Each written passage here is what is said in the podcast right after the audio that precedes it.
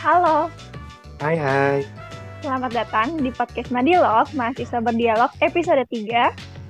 karya himpunan mahasiswa program studi ilmu politik Universitas Pajajaran. Halo teman-teman semua, Assalamualaikum warahmatullahi wabarakatuh. Perkenalkan aku Karina dari Ilmu Politik Universitas Pajajaran, Angkatan 2020. Hari ini aku ditemenin sama teman aku nih, ada siapa di sini? Aku Irfan Rizal Fadila, adik tingkatnya Teh Karina dari mahasiswa ilmu politik angkatan 2021. Nah, di podcast Madilo kali ini aku berperan sebagai podcaster magang gitu. Eh, Semoga di ke depannya gitu aku bisa diangkat jadi podcaster tetap nih di eh, podcast Madilo eh, MPS Ipol. Nah, eh, mungkin aku mau nyapa-nyapa dulu kabarnya nih Teh. Eh, Teh Karina, Boleh, boleh. kabarnya hari ini? Oh, kabarnya Alhamdulillah baik. Ivan sendiri gimana kabarnya? Aku sendiri alhamdulillah baik juga eh, puasa aku alhamdulillah lancar dan udah agak kerasa gitu ya Teh kita udah di hari ke-22 eh, hari 22 di bulan Ramadan gitu. Udah hampir Benar. mau ke penghujung Ramadan dan sebentar lagi kita akan menyambut hari lebaran. Nah, untuk Teh Karina udah ada persiapan belum nih buat menyambut hari lebaran?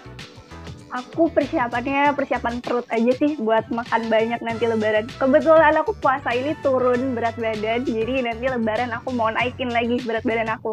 Kalau Ivan sendiri apa persiapannya? Aku sih eh, persiapannya kan kalau orang lain beli baju baru atau eh, ngecat rumah, kalau aku sih pengen eh, lagi nyari buku baru nih biar bahwasanya kayak dua narasumber kita ini yang akan ngobrol-ngobrol bareng di Hello. Nah, aku jadi insecure nih. ya aku juga sama. Makanya aku ini rencana mau nyari buku gitu biar wawasannya tambah luas. Tapi sebelum Benar-benar. eh, kita ngenalin dua narasumber kita ini, eh, kira-kira Teh Karina udah tahu belum sih kita hari ini mau bahas apa di podcast Madilo? Kayaknya ya Van, dilihat-lihat dari pembicaranya nih, kita kayaknya mau ngebahas soal pergerakan mahasiswa nggak sih? Pergerakan Iya. mahasiswa dan realitas kebebasan berpendapat di media sosial. Bener nggak sih Van? Betul banget. Jadi eh, pembahasan kita kali ini tuh kebetulan isu yang lagi hangat nih dalam pekan eh, beberapa pekan ke belakang gitu. Di mana kita keti- eh, tiap buka Twitter, buka Instagram atau web browser gitu pasti eh, isu tentang pergerakan mahasiswa ini jadi headline gitu.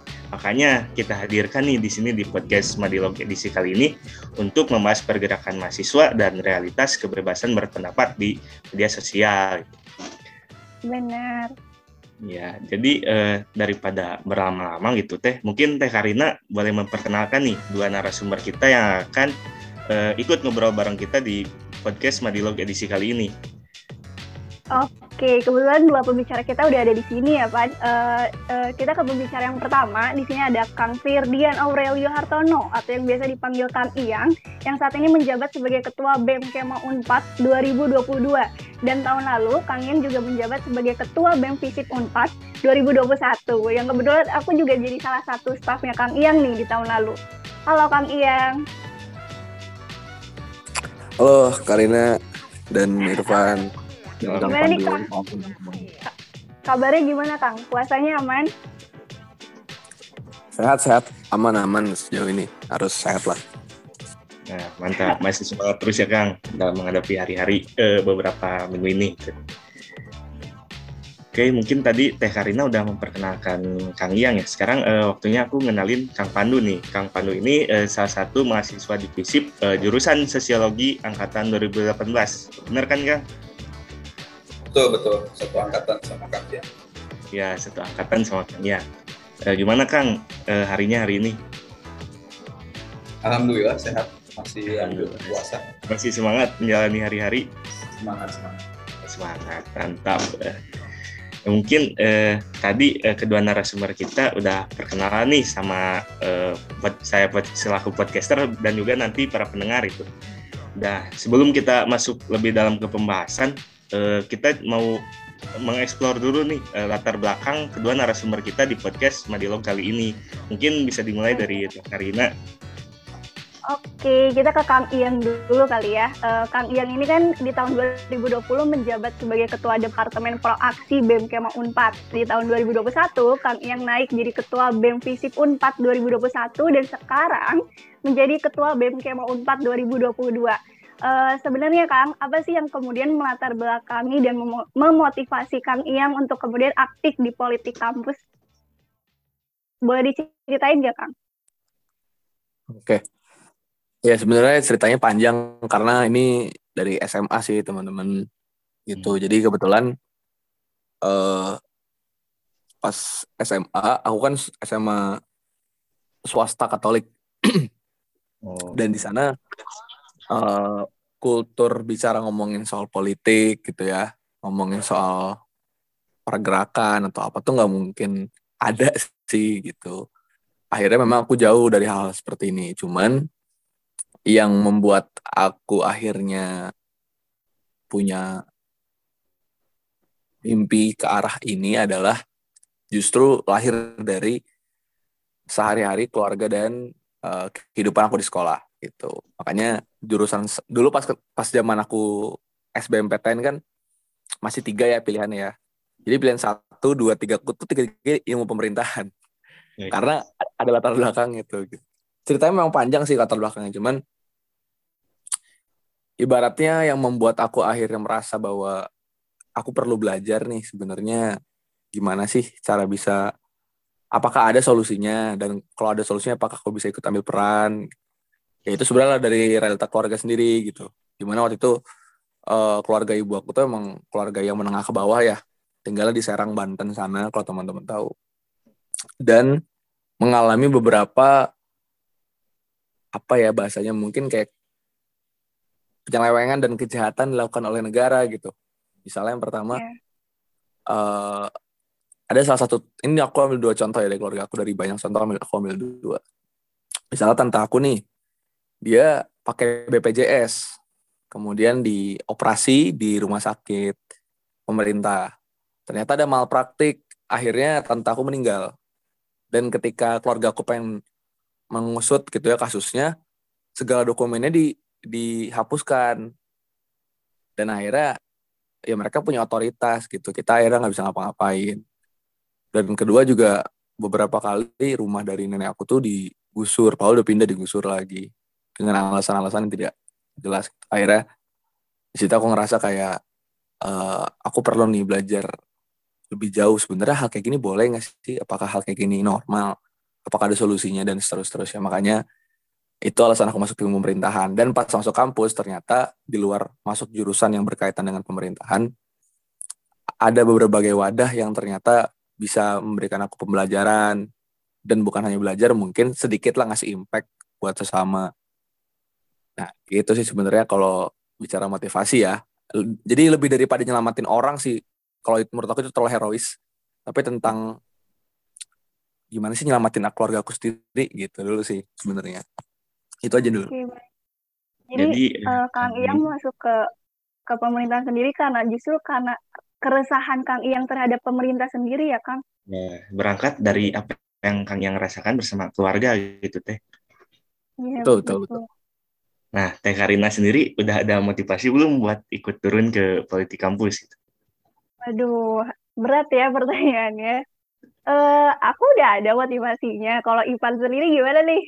Aku udah ada eh, salah satunya motivasi aku buat turun di politik kampus itu bikin partai gitu di jurusan ilmu politik. Jadi Keren. aku kepikiran nih mau bikin partai, nama partainya tuh PKI gitu. Tapi bukan Partai Komunis Indonesia.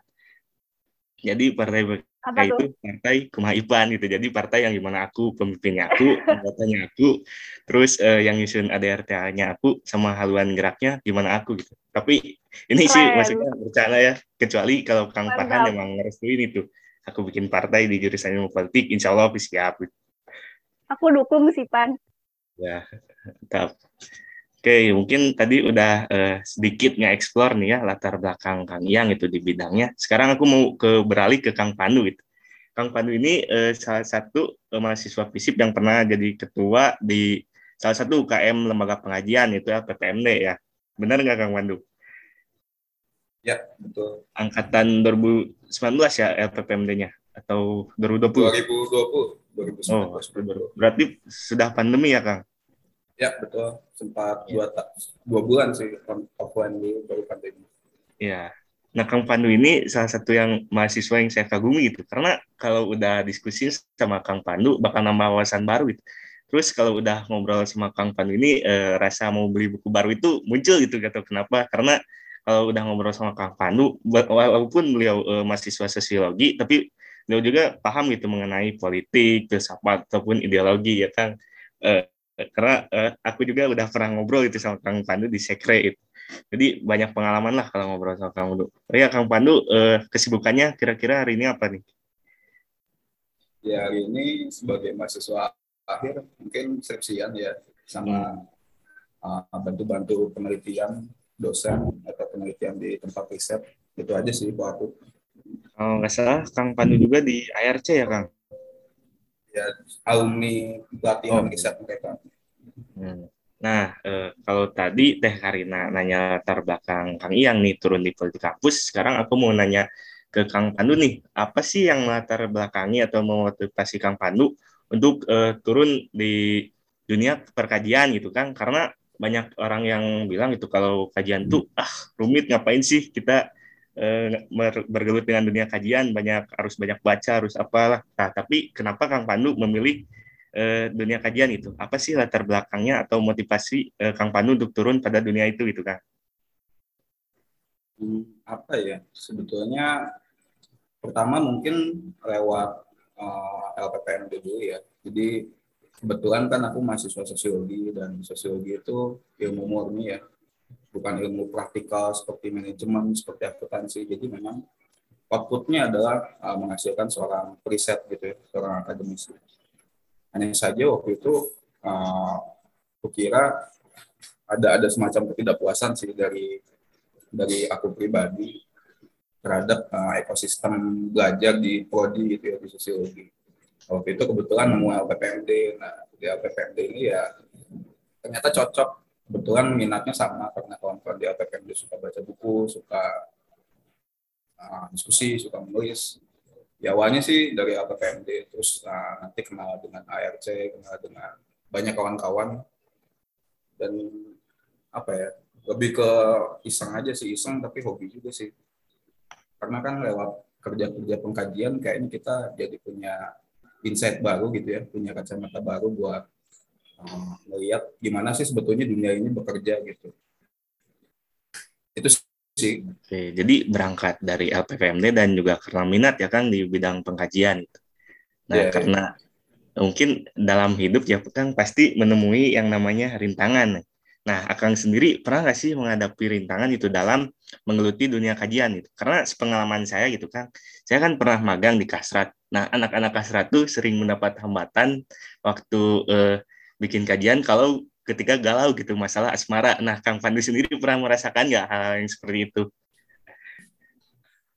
Gak ada sih ya. Uh, kalau hambatan kayak gimana tuh nggak, aku belum pernah merasakan gitu ya. Karena mungkin beda dengan Kang Iyang yang dia vis-a-vis langsung dengan aparatus negara. Artinya dia langsung terlibat konfrontasi ya.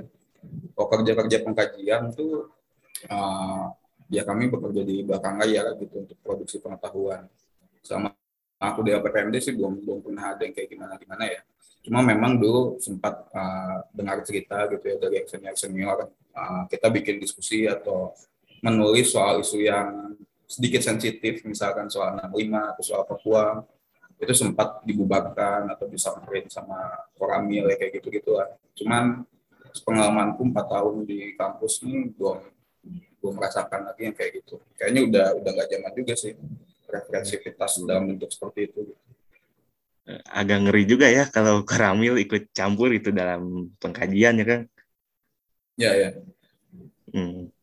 oke okay, mungkin tadi eh, aku sama Teh Karina udah sedikit eksplor nih mengenai latar belakang dari kedua narasumber kita di podcast Madi Lokal ini. Mungkin kita bisa langsung aja masuk nih ke pembahasan umumnya di ya, edisi podcast kali ini gitu Mungkin Teh Karina, silakan boleh. Oke, kita ke Kang Iyang dulu ya. Kita balik lagi ke Kang Iyang. Uh, Kang Iyang sebagai angkatan 2018 pastinya udah ngalamin uh, dinamika kampus sebelum dan sesudah pandemi. Kang Iyang juga kan terkenal banget sebagai mahasiswa yang aksi banget nih.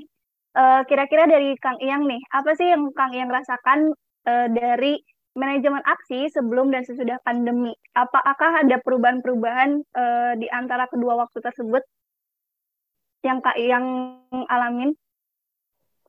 Oke, btw nggak aksi banget lah itu lebay itu. Kalau bicara soal dinamika ya pasti banget ada perubahan. Jangan ini kan kita bisa ngomong di dua tatanan ya, maksudnya organisasi uh, BEM sebagai organisasi dan BEM sebagai wadah student movement. Keduanya mengalami sangat-sangat perbedaan di seluruh dunia pun sama. Apalagi Indonesia yang infrastruktur teknologi dan kesehatannya belum semapan itu. Nah, kalau ditanya perbedaannya apa gitu ya, kita bisa ambil satu contoh tuh sesimpel dulu tuh kan ketika 2019 misalnya ketika ada reformasi di korupsi kan turun aksi itu bisa banyak masanya ya dengan mudah yeah. itu bisa seruan aksi dan menurunkan masa tapi ya pasca itu nggak semudah itu untuk menurunkan masa mulai dari pertama pasti izin orang tua semakin sulit. Udah mah aksi itu dapat izinnya susah ini mah aksi pertama pandemi pula. Mm gitu. Jadi banyak teman-teman kita yang pun aku pribadi ya gitu yang semakin dikasih izinnya susah. Akhirnya kalau aku jalannya lebih milih minta maaf daripada minta izin gitu. Kedua misalnya adalah ketika kita bicara soal uh, peraturan itu sendiri.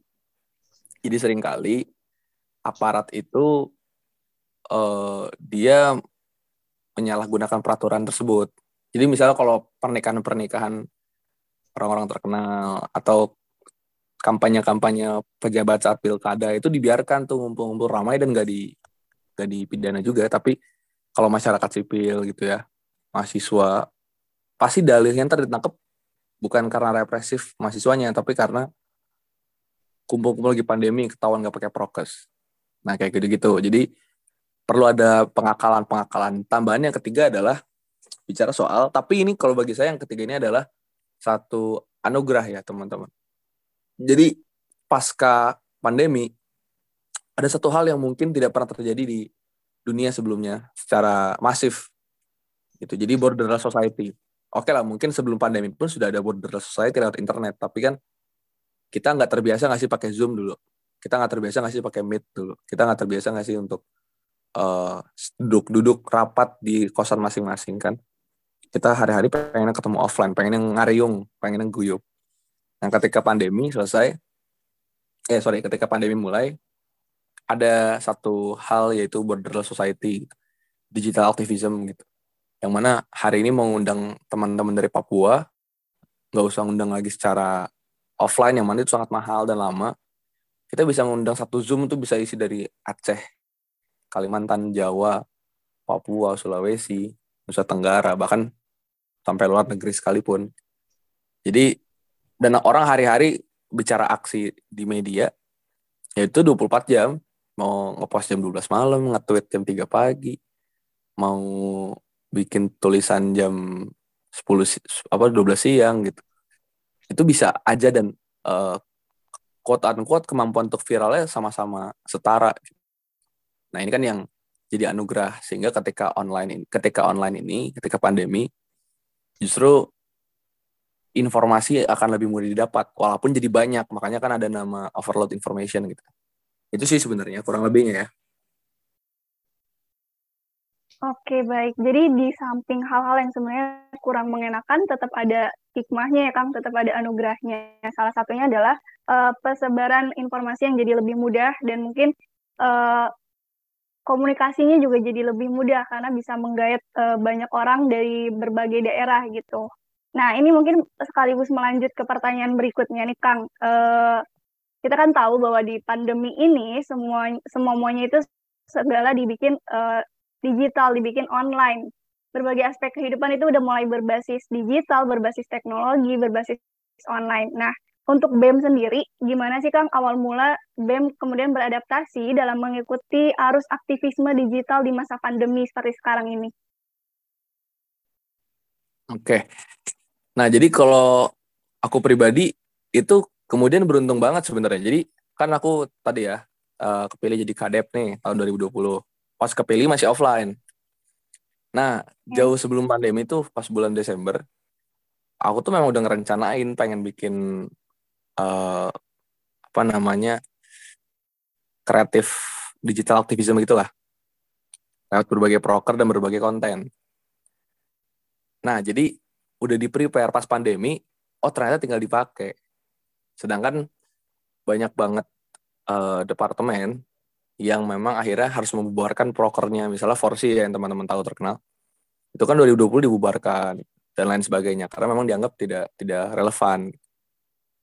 Nah, akhirnya gimana pertama ini kita ngomongin BEM Kemon 4 aja ya. Mungkin teman-teman BEM lain punya caranya sendiri. Tapi kalau BEM Kemon 4 pada masanya uh, cara pertama yang kita lakukan ketika uh, menghadapi aktivisme digital di tengah pandemi justru adalah bagaimana memahami berbagai variabel yang ada. Misal, kan ada yang namanya ini ya, teman-teman, uh, semacam apa ya, kita sebutlah kutukan algoritma gitu. Yang mana orang itu kalau udah nge udah ngefollow A, ngefollownya itu di timelinenya pasti yang keluar A semua. Misalnya cebong kampret, yang follow cebong gitu ya, Jokowi gitu. Itu tuh isi Twitter pasti udah pro, pro Jokowi semua. Hmm. Tapi kalau orang follow Prabowo pasti isi Twitter follow Prabowo semua. Nah, sedangkan ketika bicara soal aktivisme kan dia mesti bisa melihat both sides gitu ya. Dan akhirnya mengasih tahu masyarakat apa sih fakta sebenarnya. Misalnya dilakukan oleh Dandi Laksono ketika itu kan bikin uh, seksi killer misalnya ya. Akhirnya mengekspos kedua belah paslon itu sama-sama buruk. Nah itu kan yang harus dilakukan kan sebenarnya. Gitu jadi waktu itu untuk beradaptasi sebenarnya susah banget teman-teman. Di jalan itu itu yang sebenarnya kuno dari gerakan mas di situ orang-orang cuma gairah di jalan tapi mungkin gairah untuk di kajian atau mungkin di pencerdasan udaranya nggak semasif itu.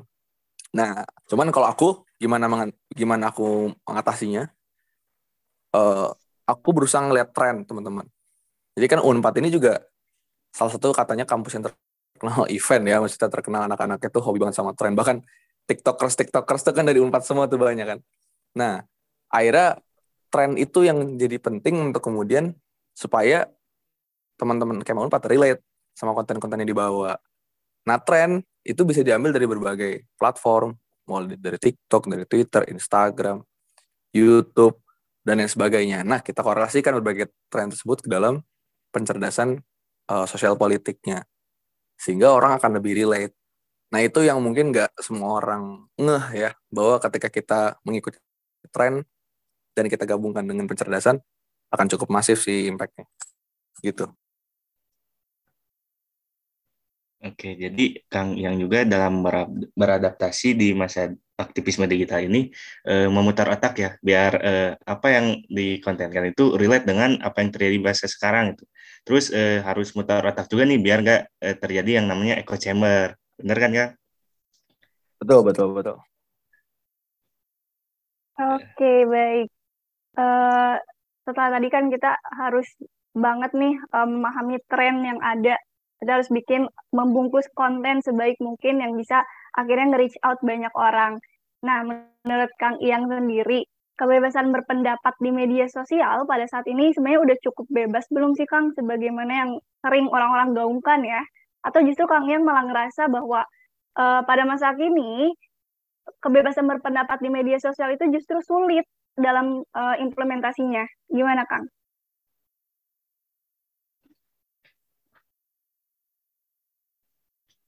Tes boleh boleh diulang sedikit teman-teman, sorry tadi sinyal. Oke, uh, menurut Kang Yang sendiri, apakah kebebasan berpendapat di media sosial udah cukup bebas belum Kang? Atau justru malah kebalikannya? Uh, zaman sekarang kebebasan berpendapat di media sosial justru malah jadi sulit gitu. Gimana hmm. nih menurut Kang Yang? Oke, ya jadi sebenarnya kalau dibilang adakah unsur kebebasan ya ada ya. Hari ini orang semua orang bisa nge-tweet, bisa ngepost dan lain sebagainya. Tapi kebebasan itu dipilih negara milih-milih. Kebebasan yang dilakukan oleh Ade Armando itu beda sama kebebasan yang dilakukan oleh kita. Ade Armando kan ini pro banget nih. Dia kan sering nge-tweet hal-hal yang sangat-sangat kontroversial. Dan dia sering dilaporkan tapi tidak pernah diproses oleh polisi. Sedangkan mahasiswa atau aktivis atau mungkin masyarakat sipil nggak punya kekuatan hukum yang sama. Jadi kebebasan itu milih-milih gitu loh teman-teman.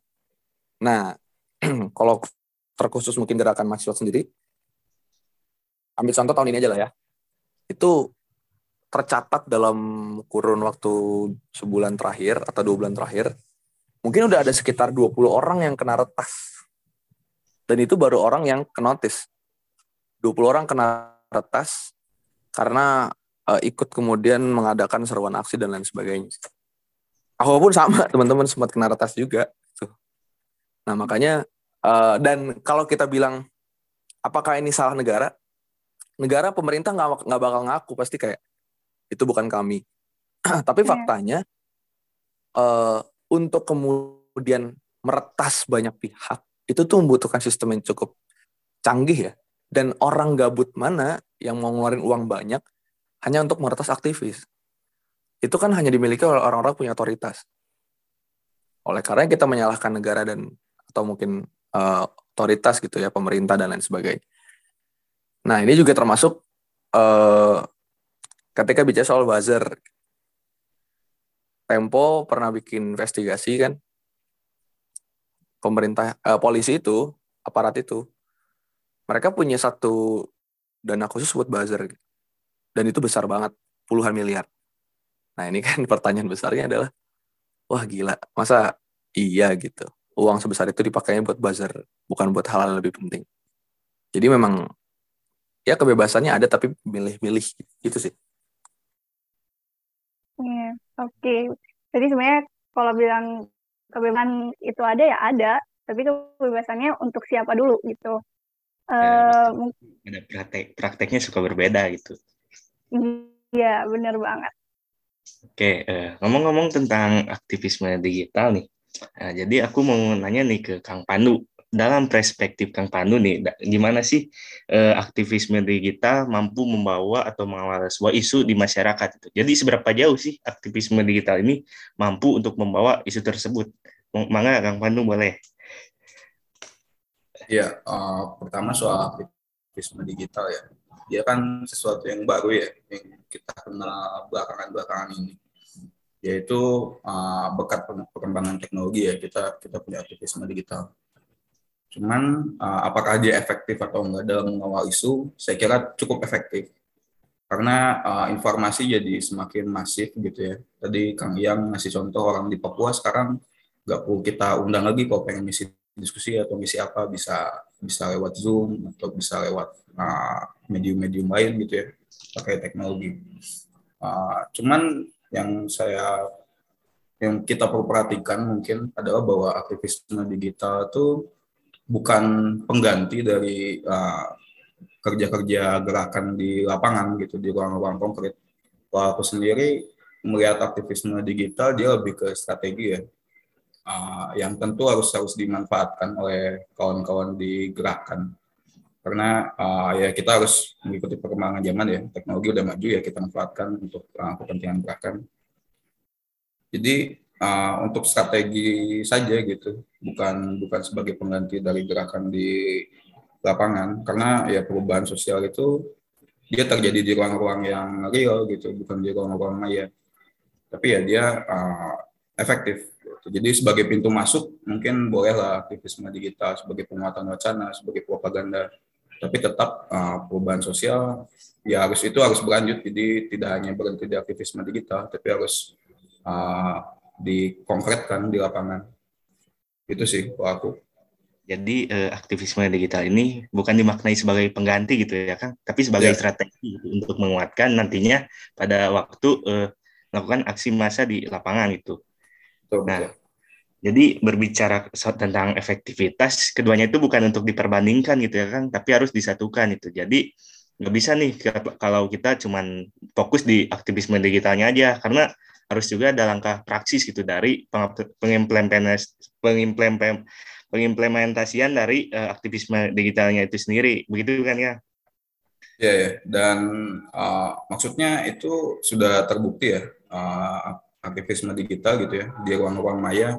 Kita misal tahu contoh yang paling sering dimention itu adalah Arab Spring. Kalau kawan-kawan tahu tahun 2010 dia kan awalnya mulai dari Facebook, dari Twitter, tapi kemudian uh, ya dilanjutkan ke gerakan di lapangan gitu. Atau mungkin yang terbaru nih Hong Kong.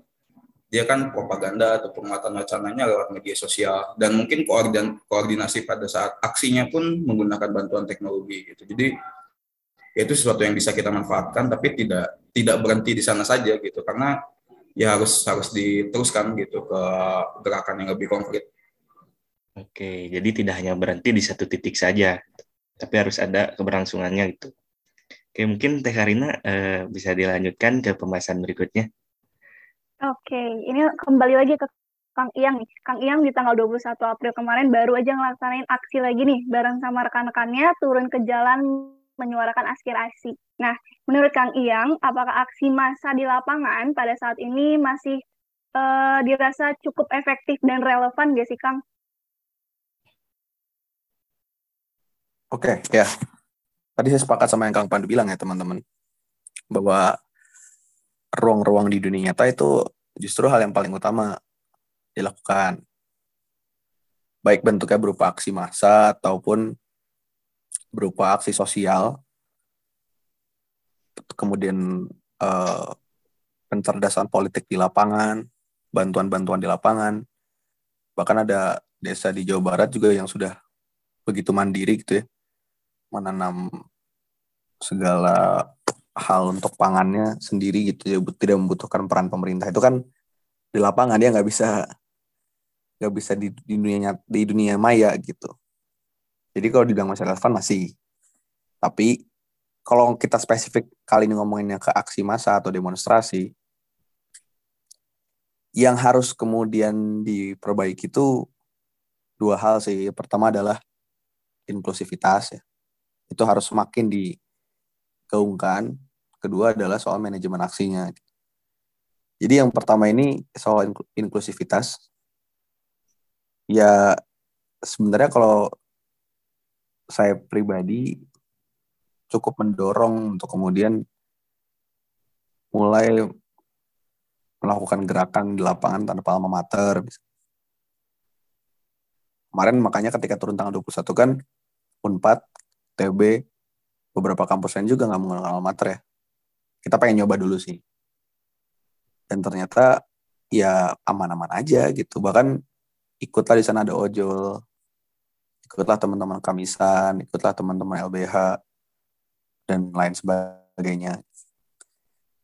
Inklusivitas juga nggak hanya bicara alma mater ya teman-teman itu teknis. Tapi dia juga bicara soal narasi. Bagaimana harus mahasiswa, mahasiswa harus bawa narasi-narasi yang juga nggak cuman elitis dan populis di Jakarta gitu. Entah itu undang-undang atau statement presiden, tapi juga harus membawa isu-isu yang mungkin kerakyatan lah. Mulai dari ngomongin isu lokal, regional gitu ya. Isu-isu uh, HAM di sekitar daerah kita, agraria di sekitar daerah kita, kesejahteraan di sekitar daerah kita. Nah, jadi mungkin inklusivitas itu bisa terwujud hari demi hari. Bahkan saya mem saya punya mimpi gitu ya, kelak Line Today itu jangan bikin headline tuh BEM UI akan turun tanggal sekian-sekian gitu. BEM C akan turun demo tanggal sekian-sekian. Tapi headline-nya adalah gerakan masyarakat sipil turun bersama tanggal 21 April gitu. Itu kan bakal lebih gaungnya besar dan lebih keren ya teman-teman lebih inklusif. Nah yang kedua adalah soal manajemen aksi gitu. Yang mana ya kalau misalnya kita lagi konsolidasi pasti selalu menyebut referensi-referensi negara tetangga. Thailand, Myanmar, Hong Kong, tadi juga Kang Pandu nyebut Arab Spring, atau mungkin di Amerika Serikat, Black, Black Lives Matter. Itu mungkin negara-negara di Chile, dan lain sebagainya. Nah, di kita itu memang masih kental banget heroisme 98 mahasiswanya. Jadi mahasiswa dalam saya satu yang kedua caranya akan sama dengan cara dulu jadi cara dulu dianggapnya akan akan berlaku kembali sekarang? Kalau bagi saya sih enggak. Perlu cara-cara baru lah. Misalkan ini ambil contoh dikit ya teman-teman. Misal ketika bicara di Hong Kong mereka bikin camp tujuh hari. Bikin camp aja itu nggak ada ngerusuh gimana. Bikin camp tujuh hari tapi di dekat instansi pemerintahan. Di situ mereka bikin nyanyi-nyanyi, uh, teatrikal dan lain seterusnya. sampai kemudian media ngeliput atau uh, mereka juga udah terbiasa untuk aksi nipu polisi gitu ya. Seruan aksi tanggal 21 atau nggak ada yang turun? Tahu-tahu aksi 22 tapi nggak pakai seruan. Atau misalnya di Myanmar Thailand ya saya lupa. Ketika di jalan mereka juga sambil nyanyi lagu-lagu yang pop culture ya. Lagu Ariana Grande Break Free gitu. Jadi uh, aksi ala pop culture ini kan sebenarnya karakteristik Gen Z deh. Nah, makanya perlu manajemen aksi yang lebih kreatif sih. Selain kemudian harus punya manajemen aksi yang lebih rapih dalam cara bagaimana mengkonfrontasi aparat dan mengkonfrontasi negara. Kan untuk chaos juga itu per perlu manajemen aksi ya. Nggak bisa ngasal chaos tendang doang, tapi perlu barikade jelas, struktur jelas, sistem jelas gitu. Selain itu juga perlu kreativitas yang lebih lebih dalam lagi entah dengan cara flash mob entah dengan cara petisi bagi-bagi uh, makanan ke sekitar sambil ada sticky notes kajiannya misalnya ketika lagi turun dan seterusnya lah. Sehingga orang pun yang tadinya lagi jalan nggak pengen ikut aksi emang lagi pengen pulang aja mungkin atau lagi pengen ke Indomaret tiba-tiba ah ikut ah seru nih kayaknya. Nah itu tuh harus ada kayak gitu kesan ditimbulin. Pas mereka ikut akhirnya mereka ngerti oh isunya gini ya oh isunya gitu itu sih mungkin Oke, jadi perlu adanya pembaharuan gitu ya kan dalam manajemen aksi itu. Nah, ngomong-ngomong cara-cara baru ini, eh, aku jadi ingat nih, tanggal 21 April, Kang Yang sebagai BEM Kema Unpad gitu waktu itu ngadain aksi dan sempat bingung juga mengenai eh, aksi gaya baru. Nah, sebenarnya apa sih Kang maksud dari aksi gaya baru tersebut? Apakah aksi gaya baru tersebut ada sebuah sebuah jawaban itu dari berbagai kritik pada pergerakan mahasiswa yang katanya uh, mulai uh, menunjukkan pada ekslus ek eksklusivitas gitu kan. Ya, itu yang tadi saya sempat sebut juga. Aksi gaya baru sebenarnya uh, bukan gaya baru sih ya, lebih ke gimana aksi. Kalau gaya baru, saya yakin ini udah udah orang pakai juga dari kapan cuman mungkin nggak nggak nggak banyak orang pakai atau nggak banyak elemen yang pakai tapi ini perlu jadi aksi yang uh, melebur dengan gerakan masyarakat sipil sih. Kuncinya itu aja. Kuncinya itu. Makanya kan dicoba lah di tanggal 21 kemarin BMK 4 menginisiasi ke teman-teman kampus lain. Jangan pakai helmet dong jangan pakai helmet dong. Kita taruh tas aja di minimal. Dan berhasil sebenarnya. Tapi kan bicara konsistensi kita nggak ada yang tahu kan ke depan gimana. Tapi ya tadi itu satu hal. Yang lebih penting adalah sebenarnya gimana uh, setelah aksi nafasnya mau sepanjang apa untuk melibatkan masyarakat sipil, LSM, komunitas, serikat, kolektif, akademisi, pelajar, mama gitu ya, ojol dan seterusnya. Mau nafasnya dirawat sepanjang apa nih setelah aksi itu gitu apakah hanya berhenti di aksi atau nantinya ada diskusi publik, ada musyawarah pleno gitu ya. Kalau Gejayan mau bikin dewan rakyat lah, apalah. Jadi nafasnya yang panjang itu butuh kehadiran entitas masyarakat secara luas. Itu sebenarnya aksi yang diidealkan ya. Harapannya sih gitu. Eh, menekankan pada inklusivitas ya Kang aksinya. Ya, betul betul. Nah, berbicara pergerakan mahasiswa, tentunya kita juga uh, perlu yang namanya kritik gitu. Karena kritik pedas yang membangun lebih baik itu daripada ujian manis yang membuat kita terlena itu maka dari itu aku mau nanya nih ke Kang Pandu. Ada nggak sih kritik dari pergerakan mahasiswa ini uh, menurut Kang Pandu? Khususnya dalam bidang kajiannya aja dulu. Iya, uh, sebetulnya kritik gerakan mahasiswa banyak ya. Tadi beberapa udah disinggung sama Kang Iyang soal misalkan eksklusivitas gitu ya Terus ada juga kritik soal bahwa gerakan mahasiswa terlalu meromantisir uh, 98 tadi juga disebutkan juga. Ada juga kritik bahwa gerakan mahasiswa mentok di slogan-slogan doang, banyak moral force, iron stock, dan ya slogan-slogan ini terus-menerus direproduksi dari tahun ke tahun. Cuman uh, kalau saya sendiri sih melihat ada kritik yang kayaknya nggak nggak gitu banyak dibahas gitu ya. Yakni adalah soal keberpihakan teoritis atau posisi ideologis dari gerakan dan ini mungkin bukan bukan hanya gerakan mahasiswa saja gitu tapi gerakan secara umum yang saat ini ada di Indonesia berkembang kayaknya kehilangan uh, kehilangan ideologinya gitu. Kita selama ini uh, terjebak pada narasi populis soal masyarakat sipil, yang mana padahal masyarakat sipil itu kan dia terdiri dari unsur-unsur yang sebetulnya saling bertentangan satu sama lain. Dan selama ini di kawan-kawan gerakan mungkin tidak tidak pernah ada upaya gitu ya untuk memeriksa narasi tersebut gitu ya. Jadi kita sering kali melontarkan narasi-narasi seperti uh, civil society, oligarki atau good governance tanpa pernah secara kritis mempertanyakan sebetulnya narasi ini di balik narasi ini ada selubung ideologis apa sih.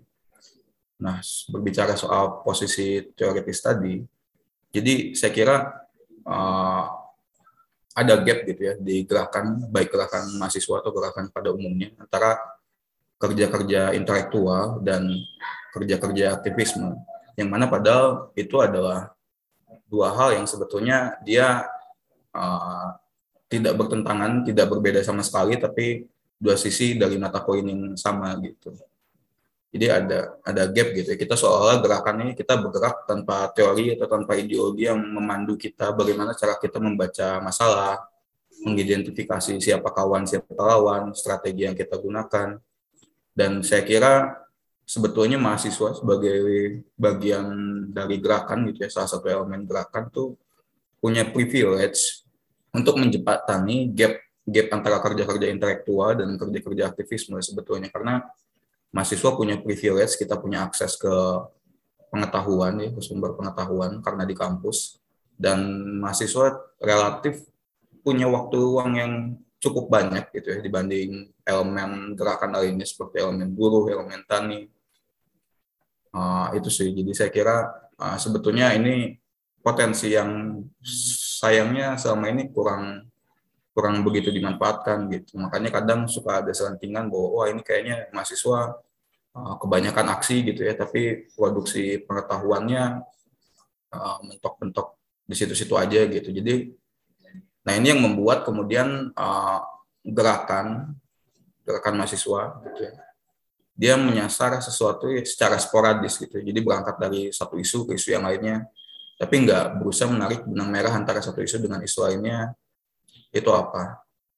Nah mungkin mungkin ada juga semacam keengganan gitu ya di gerakan mahasiswa atau di gerakan saat ini untuk secara clear menyebutkan bahwa oh keberpihakan teoritis atau ideologi saya ada di sini gitu. Mungkin uh, yaitu berangkat dari pembacaan-pembacaan uh, supaya gerakan ini tetap uh, bersatu gitu ya, berangkat dari pembacaan populis semacam itu. Cuman saya kira kita kita butuh satu lensa yang lebih komprehensif gitu untuk uh, mengarahkan gerakan ini akan akan dibawa ke mana gitu jadi tidak tidak reaksioner gitu tidak berangkat dari isu, satu isu ke isu lainnya gitu itu sih uh, dari aku oke jadi uh, pergerakan mahasiswa ini mungkin masih kurang itu ya dalam pegangan ideologi ataupun landasan teoritisnya dalam bergerak. Terus pergerakan mahasiswa juga masih sporadis nih. Jadi nggak ketemu nih benang merah dari pergerakan apa yang telah dilakukan itu. Seperti itu ya Kang Pandu. Ya betul. Cuman tadi ya uh, perlu diakui bahwa gerakan mahasiswa pun berupaya mawas diri gitu ya. Uh, perlahan-lahan secara ya secara perlahan-lahan kita kita berusaha untuk berbenah gitu. Kayak tadi Kang Yang misalnya ngasih contoh untuk uh, sebagai jawaban atas kritik bahwa gerakan mahasiswa eksklusif ya teknis di lapangan kita nggak pakai alma mater. Dan ya aksi-aksi apa ya yang teknikal kayak gitu itu patut sangat uh, diapresiasi gitu ya amat amat sangat patut diapresiasi gitu. Jadi ya perlahan-lahan berbenah lah. Itu sih. Oke. Karena emang ya ke dalam untuk memajukan satu hal kita perlu berbenah itu biar eh, apa kesalahan yang telah terjadi nggak terulang kembali itu. Oke mungkin Teh Karina boleh dilanjutkan.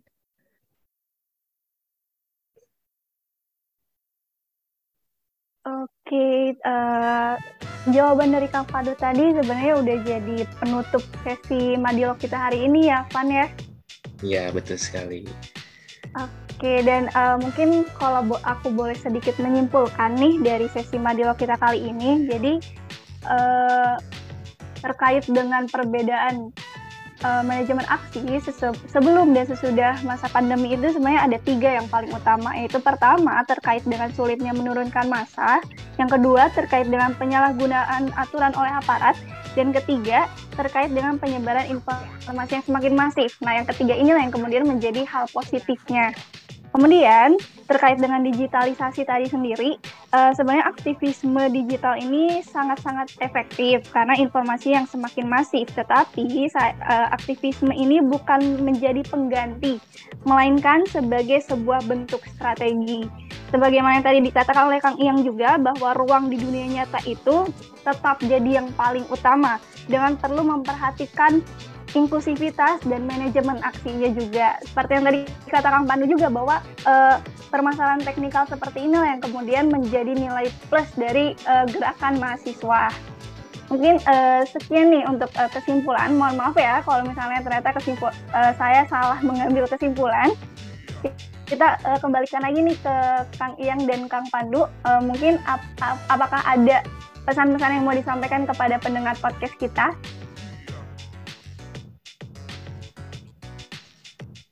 Oke, siapa dulu nih? Nah, Boleh nih dari Kang Iyang dulu. Yang dulu, yang dulu. Oke, siap Kang Pandu. Mungkin kesan pesan terima kasih aja sih teman-teman dari Hampers People udah undang dan udah ngebuka topik tentang hal ini ya. Karena rasanya saya sepakat di luar kita mengkritik pemerintah dan negara gitu ya kita juga perlu mengkritik gerakan mahasiswa biar tetap tumbuh ke arah yang lebih baik.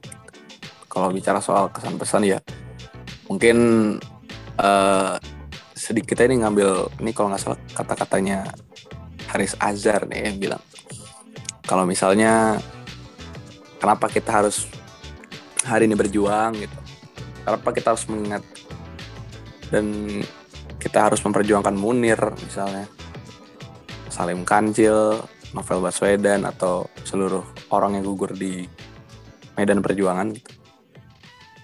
Karena bisa jadi kita korban berikutnya.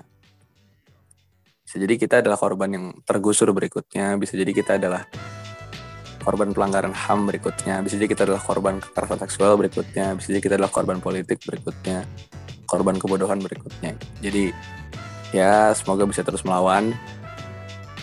Juga itu untuk diri sendiri kita dan untuk sama kita. Itu aja sih. Semangat teman-teman. Thank you banget ya udah undang Oke baik, terima kasih Kang Iyang. Uh, boleh silakan Kang Pandu pesan-pesannya. Apa ya? Uh, pertama mungkin terima kasih kawan-kawan karena sudah mengundang aku dan Iyang terus buat mendengar. Hmm, tetap semangat, uh, kita dengan melakukan gerakan gitu ya kita mencoba berempati dengan orang lain betul tadi kata yang uh, mungkin hari ini kita bukan jadi korbannya meskipun di bawah kapitalisme kita semua ada korban gitu ya. Tapi mungkin kita penderitaan yang kita rasakan tidak tidak begitu masif gitu ya dibanding orang lain. Tapi itu mungkin sekarang gitu ya. Di lain waktu mungkin kita merasakan juga apa yang dirasakan oleh uh, kawan-kawan buruh, kawan-kawan tani gitu ya, atau aktivis-aktivis yang jadi korban penghilangan paksa zaman dahulu gitu ya. Kalau kita tidak melakukan perlawanan, tidak melakukan protes gitu ya, uh, represivitas itu akan semakin masif gitu ya, dan suatu saat mungkin akan menyasar diri kita. Jadi saya kira ya tetap semangat kawan-kawan. Uh, gerakan harus tetap hidup gitu ya bagaimanapun juga. Meskipun dengan berbagai dinamika tapi gerakan harus harus tetap ada itu aja sih dari aku